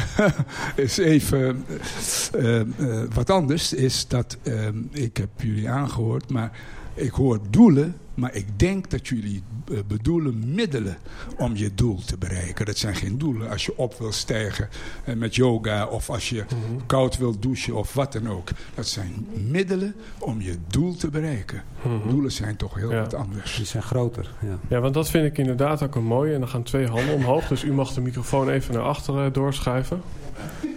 Uh, ja, yes. Om, omdat ik ik ben dan business coach en ik help mensen met hun propositie. En dan regelmatig dan, dan zie ik dat mensen of exact dezelfde doelen, maar ook waarden en talenten omschrijven bij zichzelf. Maar dat die ook vaak helemaal niet specifiek zijn. Dus dan hoor ik bijvoorbeeld iemand die zegt: ja, wat, wat voor mij nou echt op mijn Big Five staat, is kwaliteit. Mm-hmm. En dan vraag ik: kun je dat ook omdraaien? En daar bedoel ik mee. Zijn er mensen die in hun etalage, als ze een winkel zouden hebben, zouden zeggen: Bij mij krijg je geen kwaliteit? nou, die zijn er waarschijnlijk niet. Waarmee dus vaak het begrip te holistisch is. Te algemeen en, en, en te breed, waardoor het ook heel moeilijk is om, om hem uiteindelijk te kunnen afstrepen of om, of om er op af te kunnen gaan. Hè? Ja. Dus, dus dat is even mijn eigen invulling, maar um, ja, ik denk dat het belangrijk is om te kijken van ja, hoe specifiek moeten wij ons dromen en doelen stellen? Dat verschilt per persoon. He, je kunt lange termijn doelen stellen en je kunt hele specifieke doelen stellen door bijvoorbeeld ik wil volgend jaar de Kilimanjaro beklimmen, ik noem maar iets. Uh, dat is maar net wat je wilt, waar je mm -hmm. naartoe wilt werken. Ja. En het is ook niet zo dat, wij noemen dat dan de Big Five, dat die vijf dingen heilig zijn. Als je er één klaar hebt, dan bedenk je weer een nieuwe. Of dan voeg je daar een nieuw aan toe. Mhm. Of als je er maar vier hebt, is het ook prima. De metafoor is dat je er vijf hebt. Mhm. Dat is de metafoor. Ja. Dat, dat getal is niet heilig. Misschien heb je wel vijf levens. The big one for five lives. Nou, who knows, who knows. Eén van de heren met de brillen. Frank, ja. Frank. Goedemiddag. Yes. Michel, bedankt eh, voor de uitnodiging en eh, voor het delen van jouw eh, shit van de afgelopen tijd. Maak van je shit je hit. Het is fijn om te weten dat je daar niet alleen in bent soms. Dat is, ik denk inderdaad dat iedereen wel eens een klap in zijn nek nodig heeft om zich te realiseren wat ben ik eigenlijk aan het doen. En meestal als je die gehad hebt, word je een soort van onverstoorbaar in het uitstralen van wat je wil en wat je bent. En als je dat doet, wordt dat soms als onvriendelijk ervaren. Maar blijf gewoon doen waar je voor staat. Want dan eh, komt dat ook wel weer goed aan de andere kant. Eh, we hebben het steeds over tijd. Eh, voor mijn gevoel moeten we het meer hebben over prioriteit. En over verbinden met jezelf. En als je je verbindt met jezelf, dan kom je niet tot mijn doelen, maar voor mij tot mijn kernwaarden. Ja. En als ik die heb, begin ik langzaam te ontdekken de laatste tijd. En dat geeft dan vanzelf rust. Maar vooral energie om te doen van dit is waar ik voor sta, wie ik ben. En ik spreek ook dan wat ik denk. En wat een ander daarvan vindt, zal je worst wezen. En die onverstoorbaarheid is heel fijn om te ervaren, maar ook weer lastig, omdat andere mensen dat soms gaan zien als van wat een eikel. En daarom is innoveren zo moeilijk, omdat je je in eerste instantie isoleert. Maar eh, we staan vanaf vandaag in ieder geval samen. En eh, waar het heen gaat, zien we wel. Dus eh, wat mij betreft moet het prioriteit zijn en verbinden. Eerst met jezelf en daarna met je dierbaren of wat voor jou de kernwaarden zijn, eh, denk ik. Wat je noemt eh, is juist, eh, Frank, met die kernwaarden. Want die kernwaarden die vind je ook weer in je doelen terug. Die zijn met elkaar verbonden. Want anders klopt het niet. Hè, dus in, in die... Heel duidelijk, maar we doen het nog niet. Ah, die komen erachteraan. ja, In de die zijn daarmee verbonden. Yes. Ja, hallo, ik ben Stan. Ehm, ik wil even ook aanhaken dat eh, het erg inspirerend is wat jullie vertellen. Ehm, wat ik eraan mogelijk misschien wel nuance, misschien is het ook wel gezegd, in aan wil brengen is, hè, we hebben het elke keer over doelen, doelstellingen. En ik wil eraan toevoegen is, we leven in een enorm prestatiegerichte maatschappij. En ik denk dat daar die nervositeit vandaan komt van we moeten doelen stellen. En we mogen niet falen. Daar hebben we het ook bijna nog niet over gehad. En het mogen falen, het fouten mogen maken. En dan hoeven het ook niet zulke big issues van het leven te zijn.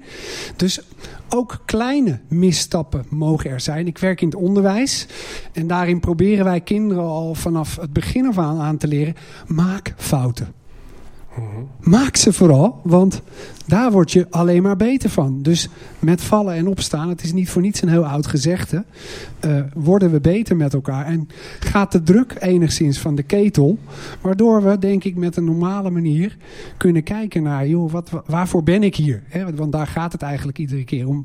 Waaraan wil ik bijdragen? Waaraan wil ik in de maatschappij bijdragen? En hoe draagt die maatschappij aan mij bij? Dat vind ik ook nog wel een hele interessante. Voor de rest wil ik ook nog wat toevoegen. Eh Eddie, eh, hoe jij begon over hè, eh, dat tegen die boom aanzitten. Dat, dat sprak mij ook heel erg aan.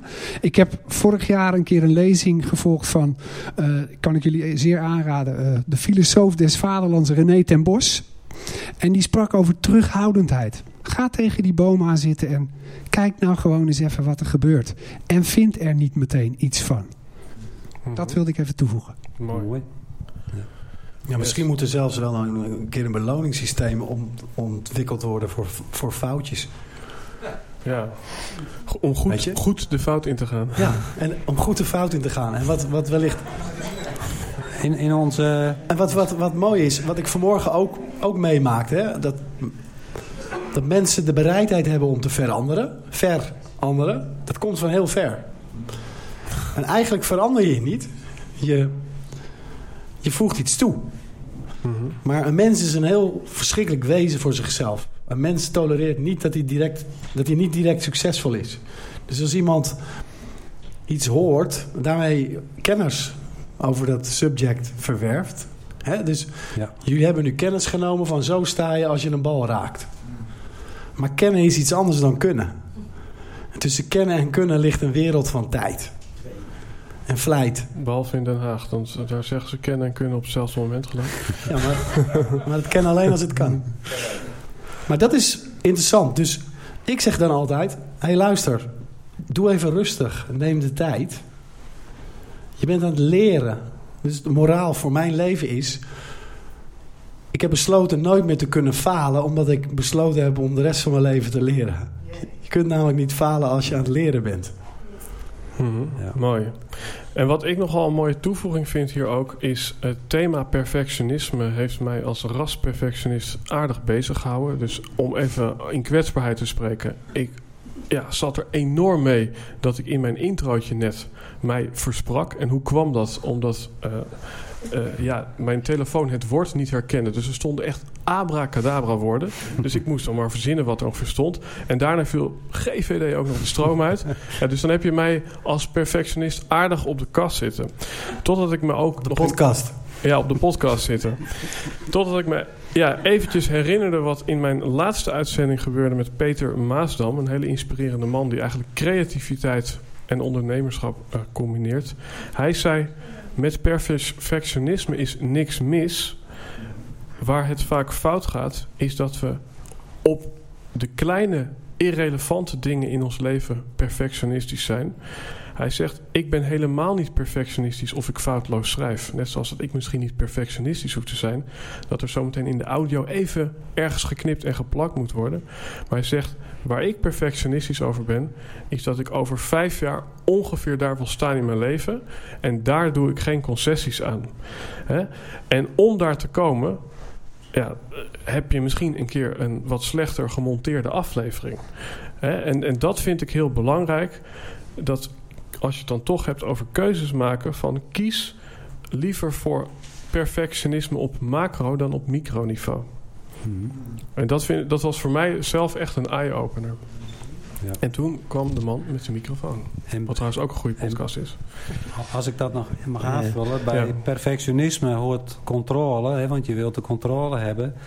En bij in het moment zijn, de tijd vergeten, hoort loslaten. dus die toevoeging is denk ik wel heel belangrijk. Dus als je leert los te laten, dan zul je ook zien dat je meer geniet van de dingen die je doet. Mm En wordt het ook makkelijker. Dan kom je misschien wel sneller bij je doel. Of bij je droom. want dat was een mooie toevoeging ook. Je hebt het over doelen, maar eigenlijk zou ik het liever over dromen willen hebben. Want een doel het klinkt zo resultaatgericht, terwijl een droom ja, veel groter is. Ja, en wellicht als je dan toch tegen die boom zit te leunen... dan zou je misschien tot het inzicht kunnen komen dat je het besluit neemt... om eens anders tegen dingen aan te gaan kijken. Precies. Want als je anders tegen dingen gaat aankijken... dan veranderen de dingen waar je tegen aankijkt. En eens een keer zonder oordeel te zijn. Mm Ook dat is loslaten. Inmiddels is de microfoon uh, weer uh, een rondreis gaan maken. Ja, hij is bij mij. Yes. Frank, toch? Uh, want we hebben het steeds over succesvol, uh, doelen stellen. En het mooie is juist, waar jij een beetje het over had, dat als je in een soort flow komt, ben je eigenlijk in mijn beleving aan het spelen als een kind. En in onze maatschappij kan bijna niemand meer spelen als een kind. Omdat zo rond ons derde, het spelend kind wordt vermoord door je moeder en je vader. Ja. En daar zijn we eigenlijk allemaal stiekem naar op zoek, want daar hebben we nu tijd voor. Om te zoeken naar hoe kan ik weer terug naar dat spelende kind die gewoon twee uur lang emmertjes kan omdraaien. En het echt geen reet interesseert of die kasteeltjes dan heel waren of niet. Totdat zijn moeder zei, oh, dat is een mooi kasteeltje. En dat is een mooi kasteeltje, dacht die gast. Hey, ik heb er net 200 gemaakt, dus dat je gewoon fucking een of andere krant te lezen. Hoezo is dit nu een mooi kasteeltje? Nou, nu zijn alle kanteeltjes heel en de raampjes zijn zichtbaar. Oftewel, je hebt er voldoende zand in gestopt, je hebt het netjes aangestampt en je hebt het snel genoeg omgedraaid. En vanaf dat moment kun je niet meer spelen als een kind, omdat je moeder het een prestatiedoel heeft gemaakt. Kan ze niks aan doen. Want zo is ook zij opgevoed. Maar als we doelen willen stellen of succes, wat is dan succesvol? Nou, in mijn beleving vanuit je kernwaarden spelen als een kind met de rest van je leven. En uh, of dat nog een jaar duurt. Ja, mag ik daar iets aan toevoegen, Frank? Van mij wel. Als ik het over succes heb, dan heb ik het over succes volgens jouw definitie van succes. Niet die van je buurman of van je moeder of van wie dan ook maar. Maar zuiver en alleen van jouw definitie van succes. Alleen jij kunt bepalen wanneer het een succes is. En als iemand anders wat anders vindt, maakt niet uit. Toch? Ja, al die mensen die gelukkig worden van wat ze graag doen, die denk ik dat die weer aan het spelen zijn met dat waar zij blij van worden. En, eh, of dat dan schilderen ik, is Ik of wil nog één nuance maken na een mooi gesprek wat ik voerde met Jan Geurts. Dan hadden we het ook over het kind zijn. Dat, hè, er wordt ons vaak verteld van nou kijk naar een kind eh, eh, en eh, nou ja, dat is ongeveer het voorbeeld. Maar als dat zo makkelijk was, dan hadden we het daar nu niet over. Hè? En waarom is dat zo moeilijk? Een kind heeft bewustzijn, maar een volwassene heeft zelfbewustzijn. Dus een kind wat voor een spiegel staat, die herkent zichzelf niet en wij wel. Dus, dus wij zitten constant in de strijd tussen ja, als het ware de acteur in ons leven zijn... en dan weer de regisseur en dan weer de scriptschrijver. Dus we, vanuit allerlei niveaus moeten wij steeds naar ons eigen leven kijken. En ik denk dat de hele levenskunst hem daar zit... dat wij ons bewust zijn van dat we maar aan het spelen zijn... maar ondertussen daar wel ja, de volle commitment aan geven... en daar iets moois van proberen te maken. Ja, en continu bezig zijn om je te manifesteren. Ja. Mhm. Hè, continu bezig zijn om je te laten gelden, om wellicht aardig gevonden te worden. Ja. Natuurlijk ook te maken met je zelfwaarde, met je zelfbeeld. Ja, dat een kind heeft het natuurlijk in principe in Nee, want, niet. want wie gelooft, wie, wie heeft het, eh, het gevoel van, nou ja, ehm, dat wat ik eigenlijk zou willen doen, of dat wat ik misschien nu een beetje doe, dat zou ik veel meer doen op het moment dat ik niet dat stemmetje in mijn achterhoofd heb van of mijn directe omgeving, ofwel een ouder, zelfs als die niet meer leven, kan dat een rol spelen, die ergens in je oor schreeuwt en jou corrigeert of bekritiseert op wat je daar aan het doen bent. Wie heeft dat stemmetje nog in zijn hoofd bij, bij, het, bij het ontwikkelen of creëren van eh, dat wat hij aan het doen is? Iedereen, denk ik. Ja. Ja, dat is namelijk, en dit vind ik meteen het hele interessante. Want nu zien we eigenlijk in de praktijk dat op het moment dat, dat jij zegt iedereen, zegt iedereen ja. Maar op het moment dat ik het vroeg, durfden maar drie mensen hun hand op te steken. Want daar zit hij precies. Namelijk, als ik mijn hand opsteek, dan word ik misschien wel bekritiseerd. Of dan word ik misschien raar aangekeken. Dus het is bijna een soort van inception. Een soort van, ja, je ziet gewoon ter plekke wat er gebeurt met... Ja, mogelijk ben ik de enige die mijn hand opsteekt. Ik heb het stemmetje recentelijk eh, in een fles gestopt. ik heb er een afscheidsbrief bij geschreven. En ik heb de persoon die die fles mogelijk zou kunnen ontvangen als hij ooit aanspoelde. heb, ik, heb ik uitgelegd wat ik met deze brief bedoel. En ik heb hem de kracht gewenst om hetzelfde te doen. Vervolgens heb ik de fles in de zee gegooid. En het was alsof je... alsof ik vrij was. En het was echt een heel heftige call. Maar ik vond het wel heel vet om te doen. Ja. Eindelijk eens een keer flessenpost gestuurd. Ben ik heb nog geen reactie. Ik had mijn telefoonnummer erbij, maar nee, ik heb nog geen Nog reactie. niet. Misschien is hij meteen wel het strand opgekomen. Of dobbelt- Of het dobbelt nog ergens. In, in een van onze boeken, eh, daar wordt eh, een verhaal beschreven eh, van de groene zeeschildpad. Dat is misschien wel een leuk verhaal ook in deze context. Ehm, de, Dat is een groene fles ook, dus het klopt. de hoofdpersoon in dat verhaal is eh, John, hè, de- zo heet hij dan in het boek. En die, eh, die is aan het zwemmen in de zee, in, bij Hawaii in de buurt. En die ziet daar een hele mooie grote groene zeeschildpad. En die zwemt ogenschijnlijk moeiteloos, gaat hij maar verder en verder en verder. En hij heeft zijn flippers aan, John, en die wil die zeeschildpad bekijken en bijhouden. Maar hij komt er na een poosje achter van, verrek, dat ding dat zwemt toch wel veel harder dan ik. Ik kan hem niet bijhouden, dus hij raakt achter en achter. En dat zint hem eigenlijk niet. Dus de volgende dag gaat hij weer terug naar dat strand... om te kijken of er misschien weer opnieuw een zeeschildpad is die hij kan bekijken. Nou, hij heeft geluk. Er is een zeesch- zeeschildpad, zo'n hele grote weer. Een groene. Ja. En die zwemt en hij zwemt daar naartoe. En hij gaat dat beest eh, bestuderen, observeren. En wat ziet hij? Op het moment dat de golf mee is, dan zwemt die zeeschildpad. Maar op het moment dat de golf weer teruggaat naar het strand toe, dan stopt hij met zwemmen.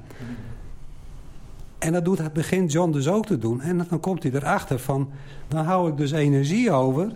Kan ik veel beter die zeeschildpad bijhouden om weer vooruit te komen. En dat is wat heel veel mensen dus hebben verleerd.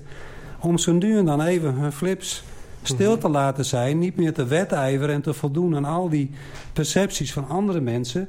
Maar dat ze dus gewoon even st- stil liggen. En op het moment dat de golf weer meegaat, dat je dus weer in de flow komt of dat het je weer mee zit, dan ga je weer zwemmen. En dan heb je ook voldoende energie om dat gelijk op te pakken. Het is natuurlijk een hele mooie analogie naar aanleiding van vanochtend. Stilstaan. Bij wat je beweegt. Om vooruit te gaan. En om vooruit te gaan, ja. Eh, daar gaat een hand omhoog. En diezelfde persoon heeft de microfoon. Nee, ja, ik wilde net iets toevoegen over Jan Geurts, maar dat zei je zelf al. Eh, Dag. Maar eh, wat ik bij mezelf merk, eh, ik heb drie jaar lang jongeren getraind en gecoacht in een jaarprogramma die in het tussenjaar zitten en die kunnen geen studiekeuze maken. En wat ik toen voor mezelf ontdekte, alles heeft zo erg te maken met inderdaad met kijken op microniveau.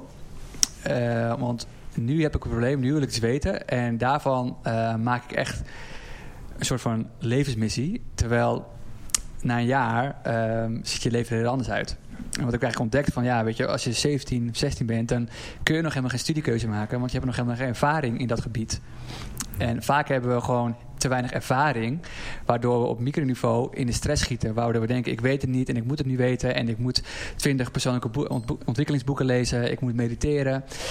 Maar waar ik voor mezelf een beetje achter ben gekomen, ik denk wat gewoon ehm, rust gaat geven, is door zoveel mogelijk te proberen in het leven. Waardoor je ervaring op gaat doen en waardoor je dingen gaat herkennen. Dus je een soort van bewustzijn daarop ontwikkelt. En als ik kijk nu, ja, wat ik bij anderen zie en ook wel bij mezelf, op een gegeven moment maak je een cirkeltje zo vaak dat je gaat herkennen en je gaat ontspannen. Waar je voordat dat heel erg gespannen in was. Van, oh ja, ja ik heb nou zoveel ma- meegemaakt. Ik ken dit liedje wel en ik hoef me niet zoveel zorgen te maken.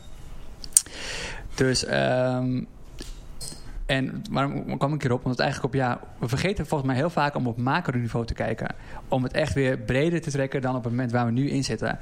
En ik vond het altijd heel fijn wat mijn moeder altijd vaak tegen me zei. Van ja, slaap er een nachtje over, want morgen is alles anders.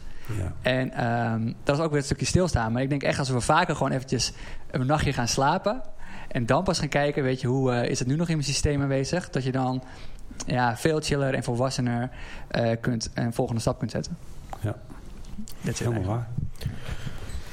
Alright, daar is nog een hand. Ja,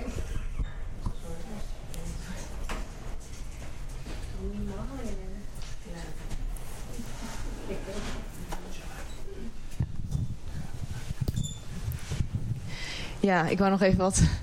Ik denk, ben ik weer. Maar ehm, dit zijn ook de oordelen die je dan hebt. Hè? Maar eh, wat ik mooi vind van kinderen, omdat we het hier vooral ook over kinderen hebben.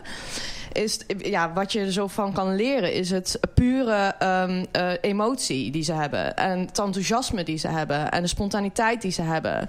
Eh, kinderen kun je binnen no time, zullen we dit doen? Ja! En dat, dat gevoel als volwassene moet je eigenlijk ook gaan hebben voor iets wat je leuk vindt. Want mensen zeggen, ja, wat vind ik dan leuk? Ik denk, ja, waar jij een kriebeltje van krijgt in je buik. En waar krijg je, zonder met na te denken, ja, vet. Ja, als je zegt, zullen we met, met vier vriendinnen, dan gaan we dit... En, ja, dat, dat je dan zo'n zo'n zo'n plan bedenkt met zoiets, ja, tof, wanneer kunnen we dat gaan doen? Nou, zonder enige obstakels, ze willen gewoon dat daar naartoe. Dat is, vind ik, zo onderneem ik, zo ben ik mijn missie achterna gegaan. En elke keer als ik weer denk, yo, waar doe ik dit voor? Ik zit hier depressief op mijn kamertje en man, we.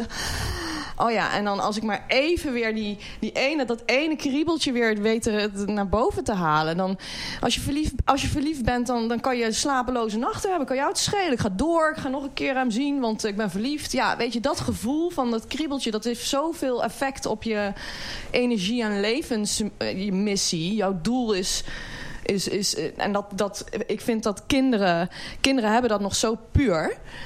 Kinderen zijn ook zo puur daarin nog. Die kan je nog zo puur enthousiasmeren. En wij als, als, als volwassenen, die gaan vaak allerlei obstakels. Ja, maar ja, ik heb nu kinderen, dus ik kan niet die tijd besteden. En ik, hup, dan komen er gelijk al, denk ik. Ja, maar hier kreeg je toch een kriebeltje van? Je was vast fucking enthousiast. Kijk nou eens even naar hoe je dat, dat ene wel kan bereiken. En focus toch ook altijd focussen op wat je wel wil. Als er maar één kans. Pak die ene kans. Altijd maar honderdduizend kansen ja, we laten missen. Omdat je daar maar op focust van ja, het kan toch niet lukken. Ja, en dat vind ik, dat, dat, dat soort kleine dingen hebben kinderen nog zoveel puurder. En daar kunnen wij als volwassenen gewoon ja, veel van opsteken eigenlijk. Van dat, dat, die eerste emotie van waar jij nou gewoon eigenlijk zo'n juichje van maakt. Dat, dat hele blije gevoel gewoon, heel simpel. Je wordt gewoon blij van, ja, dat moet je doen. Mensen kunnen wel heel moeilijk denken al mhm. over hun, wat vind ik leuk om te doen. Dan denk ik, ja, Waar jij een kriebel van krijgt. We hebben dat onderzocht. In Nederland, of in de hele wereld, heb je eigenlijk twee soorten mensen. En wij noemen dat de 30% en de 70%. De 30% die denkt in kansen en mogelijkheden en oplossingen. En de 70% van de mensen denkt in obstakels en problemen. Ja, en dan hoor je ook heel vaak bij die 70% het woordje ja maar. Ik begeleid ook mensen met een loopbaan. En dan ben je met ze in gesprek. En dan hoor ik ook heel vaak... ja maar, ja maar, ik heb het al gedaan. Die zegt dit of die zegt dat. En dan geef ik hun één hele simpele oefening mee. Van elke keer als jij ja maar zegt... zeg dan tegen jezelf of tegen die andere persoon en dus. Hè? Dus draai dat om van ja maar naar en dus. Nou, dan komen ze een paar weken later weer terug, hebben ze dat geoefend. En dan was me dat al moeilijk, want dat zit zo in je systeem om bij een obstakel gelijk ja maar te zeggen. Mhm. En kinderen hebben dat dus niet. Die denken alleen maar en dus. Ik denk dat het ook een stukje falen is. Dus dan heb ik mezelf al ingedekt voor als het mislukt. Dat ik geen mislukkeling word. Dus je eigen eh, eh, oordeel daar ook heel sterk in is. En dan helemaal die van de anderen die het bevestigen. Van je zei toch dat je het ging doen. Plus ik vind ook, um, heb geduld en weet wat je missie is. Vertrouwen op je missie. Kijk, honderdduizend mensen hebben wel tegen mij gezegd van... Uh, ja, je zal toch, je kan er al van leven wat je doet. Want uh, ik, ben net, uh, onder, ik ben net twee jaar bezig met ondernemen. Welke onderneming kan je na twee jaar... Uh, ja, ik weet niet, als je een restaurant opent... weet ik niet wanneer jij winstgevend bent. Maar ik denk dat het ook wel een paar jaar duurt. Meestal is drie jaar. Ja, maar doordat je bijvoorbeeld... ik ben dan kunstenaar. Eerste vraag is, oh, kan je er al van leven? Ja, niet zeker. Want je maakt... Ja, of uh, wat, wat, is je verdienmodel? Ja, yo, laat me, mag ik even mijn, uh, mijn, uh, mijn leven indelen? Ik ben mijn hele leven, ik heb hier tijd voor nodig. Ik heb geduld, ik leef nog, ik eet. Ik, pff, ja, ik ga niet dood, denk ook altijd. Ga ik dood? Nee. Nou, dan gaan we het toch proberen. Ja, ga ik hier dood van? Nee. Gewoon doen. Je hebt de tijd van je leven. Tijd van je leven? Ja, ja heb je tijd van je leven. Eventjes, ik, ik ben eventjes benieuwd. Hè. Um, geloof het of niet, maar ja, we zitten alweer in, een beetje in de bonustijd van deze podcast. Als we kijken naar een uur à anderhalf.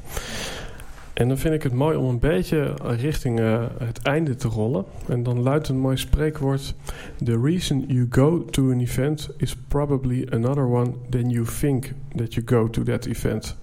En dan ben ik even benieuwd en dan ga ik het eventjes uh, uh, nog spannender maken. Iemand die de microfoon nog niet heeft gehad, die wil ik eventjes vragen wat is ja, je grootste inzicht geweest van deze dag? En dan het liefst iets wat, ja, dat je iets benoemt wat je misschien helemaal niet had verwacht. Misschien kwam je hier voor golf en ging je naar huis met een, ja, een heel ander inzicht. Of je kwam hier voor connectie en je ging naar huis en je, je wist ik ga nu op golf. Dus ben ik even benieuwd wie op die manier die vraag wil beantwoorden. Yes. Christel? Ja, ik verbaas me elke keer weer hoe mooi het is als je ergens naartoe gaat. Uh, dat je zoveel lieve, mooie mensen tegenkomt. Zoals ik vandaag jou ontmoet. Daar ben ik heel dankbaar voor. en meerdere mensen, leuke mensen. Um, en ja, er zijn een hele hoop dingen die ik al eerder gehoord heb. En dan denk ik, ja, het is toch wel fijn als je dingen weer steeds hoort. Dan gaat het nog steeds meer dieper zinken. Aarde, landen, hoe ik noemen wil. Mm -hmm.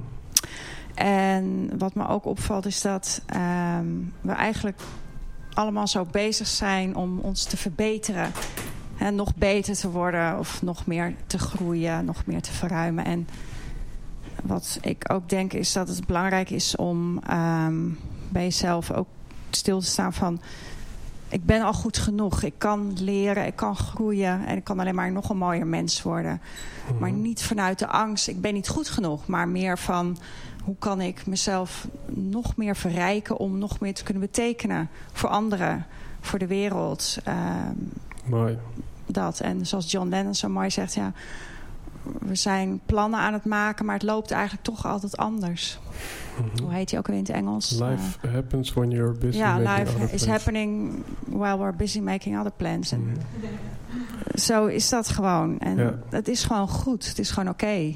En alles wat, wat je toekomt is meegenomen en is, Mhm. maakt je een nog mooier mens. En Einstein zei: de oplossing zit, al- zit altijd op een andere plek dan het probleem. En dat is Ja. wat ons betreft ook de reden dat we dit zo georganiseerd hebben. Omdat het op papier misschien helemaal niet logisch was. Maar ja, ook in business noemen ze dat ideeën-seks. Dus op het moment dat je meerdere branches of ideeën met elkaar combineert... dan kom je vaak tot bijzondere resultaten. Ja, dat is, dat is zo. Hè, Toen we het bespraken hadden ze iets van... we- we zijn ondernemers, we willen iets doen voor en door ondernemers. En eigenlijk is ieder mens een ondernemer. Daar hoeft hij niet een onderneming voor te leiden of te Of, hebben. of op zijn minst ondernemend. Of ondernemend. Omdat je hier bent vandaag. Precies. Ja, ik, ik kom zelf uit de tenniswereld, maar ik vond de V-sprong fantastisch. Want er zijn eigenlijk geen fouten, er is alleen maar feedback. En het moment dat die persoon dus eigenlijk uitgelachen wordt omwille van een foute sprong, vindt hij eigenlijk zijn sport opnieuw uit. Mhm. En eh, ik ben zelf ook eh, perfectionistisch geweest. Alleen wonen heeft mij ervan eh, ja, verlost. Ik raad elke man aan ook om alleen te kuisen en zo. Echt heel leuk. Op Queen of Modern Talking, jaren 80 muziek werkt.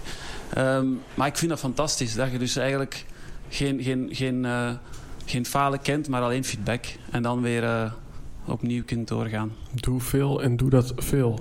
De belangrijkste slag in tennis trouwens is niet de opslag, niet de voorhand, maar de tegenslag. En wat, en wat vond je van... en Wat vond je van eh, ja, super. Wat vond je van die, Dick, die eerste man, die Dick Fosbury? Die kennen jullie toch? Ja, die man die was gewoon bright. Ja. Het was de eerste man die bedacht... "Hé, waarom gaan we eigenlijk voorover over die lat? Je moet maar eens oude filmpjes van hoogspringen kijken. Je wordt gek. Dat die mensen niet hun been hebben gebroken is ongelooflijk. En wat bedacht Dick Fosbury? Als ik nou mijn lichaamszwaartepunt lager kan laten dan de lat... dan kan ik mijn benen eroverheen gooien. En wat doet hij? Hij doet het in de Olympische finale in Mexico. En tijdens de finale waren er nog drie sprongen... eh, drie hoogspringers over, waaronder Dick.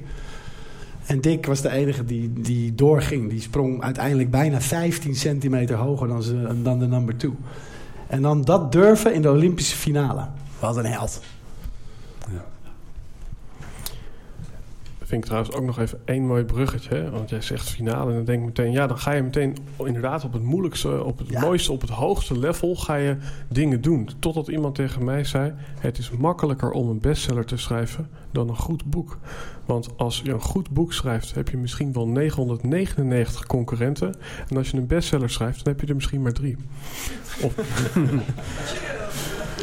Vind ik ook een mooie om mee te nemen. Hele mooie, ja. Alright, wie eh, wil nog eh, delen met welk opmerkelijk inzicht eh, deze dag, eh, voordat we gaan borrelen, want dat schijnt ook nog te gaan gebeuren, afsluiten? Niemand? Oké. We doen net alsof deze meneer de microfoon nog nooit heeft gehad. Wat we hier allemaal zeggen is eigenlijk eh, happiness beleven. En misschien wel met golf. Dat het er niet om gaat wat voor doel ik heb. En hoeveel, ik, hoeveel slagen ik gebruik. Maar dat je geniet van het feit dat je een mooie beweging maakt. Met uiteindelijk misschien wel een goed resultaat.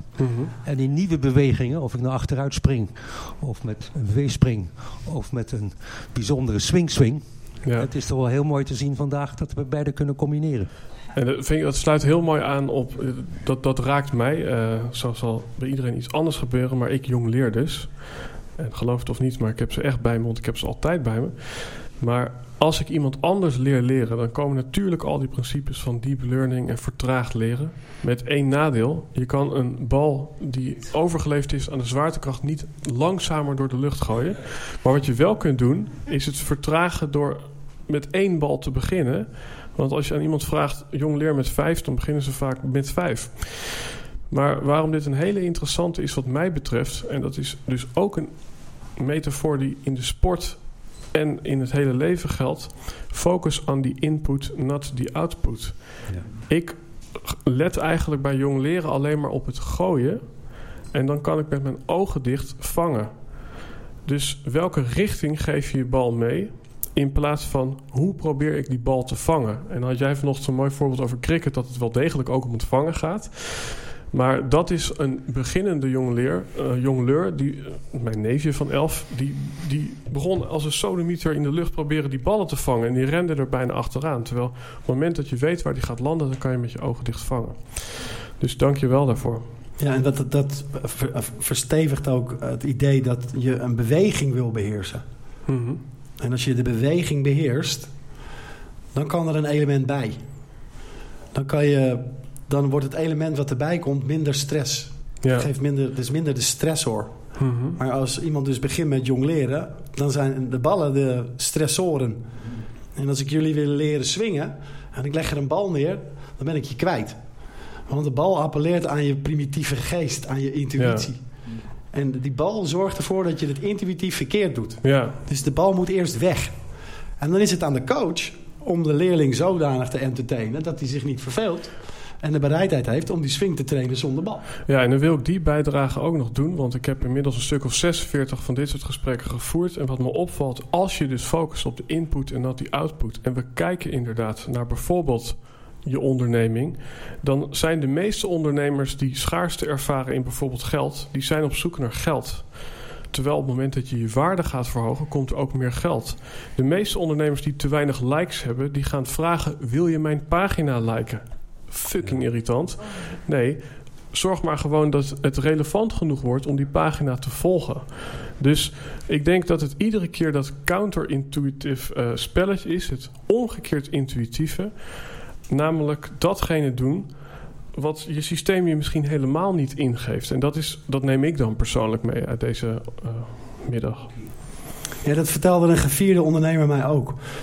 Die werd op een gegeven moment op het matje geroepen van... joh, het gaat helemaal niet goed, we moeten die, die kosten gaan downscalen. Wat kosten downscalen? We gaan over de top mee. Het is een man die hier veelvuldig de microfoon ter hand heeft genomen vandaag. Toen jij over de top zei, toen ging de geluidsbarrière uh, ook over de top. Sorry. Ik zag daar een rood lampje, maar hartstikke leuk.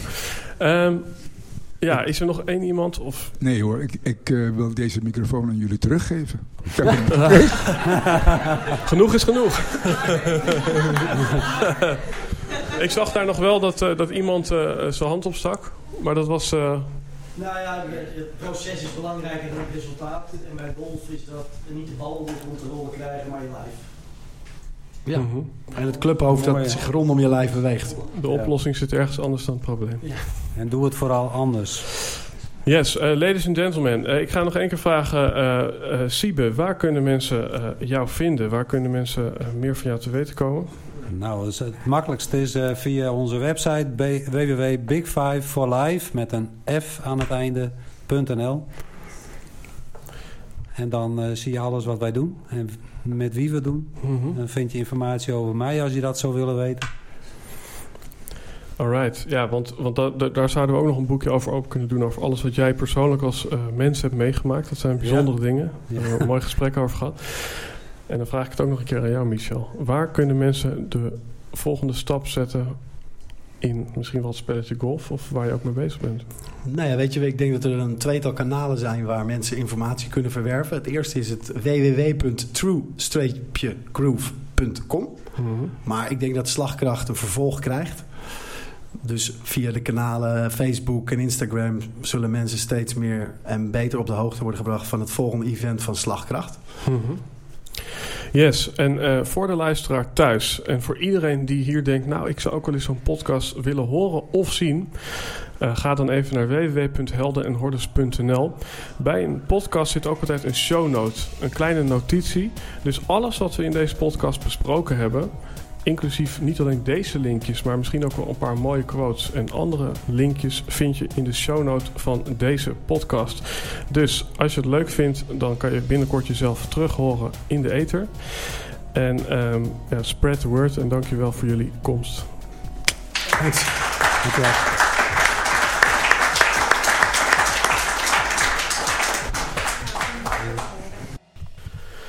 Yes, het zou zomaar kunnen dat je na het luisteren zelf een keer live aanwezig wil zijn bij een Helden en Hordes podcast. En dat kan, er staan er zelfs al een aantal gepland. Daarvoor ga je even naar heldenenhordes.nl en laat je gegevens achter voor onze nieuwsbrief. Het zou ook kunnen dat je een volgende stap wil zetten in jouw golfspel. Daarvoor kijk je even in de show notes bij Michel Put en je surft eventjes naar true-groove.com. Het zou ook kunnen dat je een volgende stap wil zetten in jouw persoonlijke ontwikkeling. Neem dan eventjes contact op met Siebe Bonsma van de Big Five for Life, ook te vinden in de show notes. En dan zou het ook kunnen dat je mij een keer in het echt wil zien, omdat ik een business coach en propositiecoach ben en jou naar meer daadkracht, helderheid en overtuigingskracht kan helpen als ondernemer.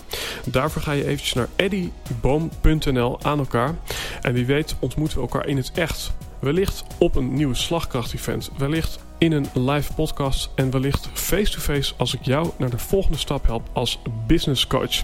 Of ik check je gewoon weer bij de volgende Helden en Hordes podcast. Enjoy your day.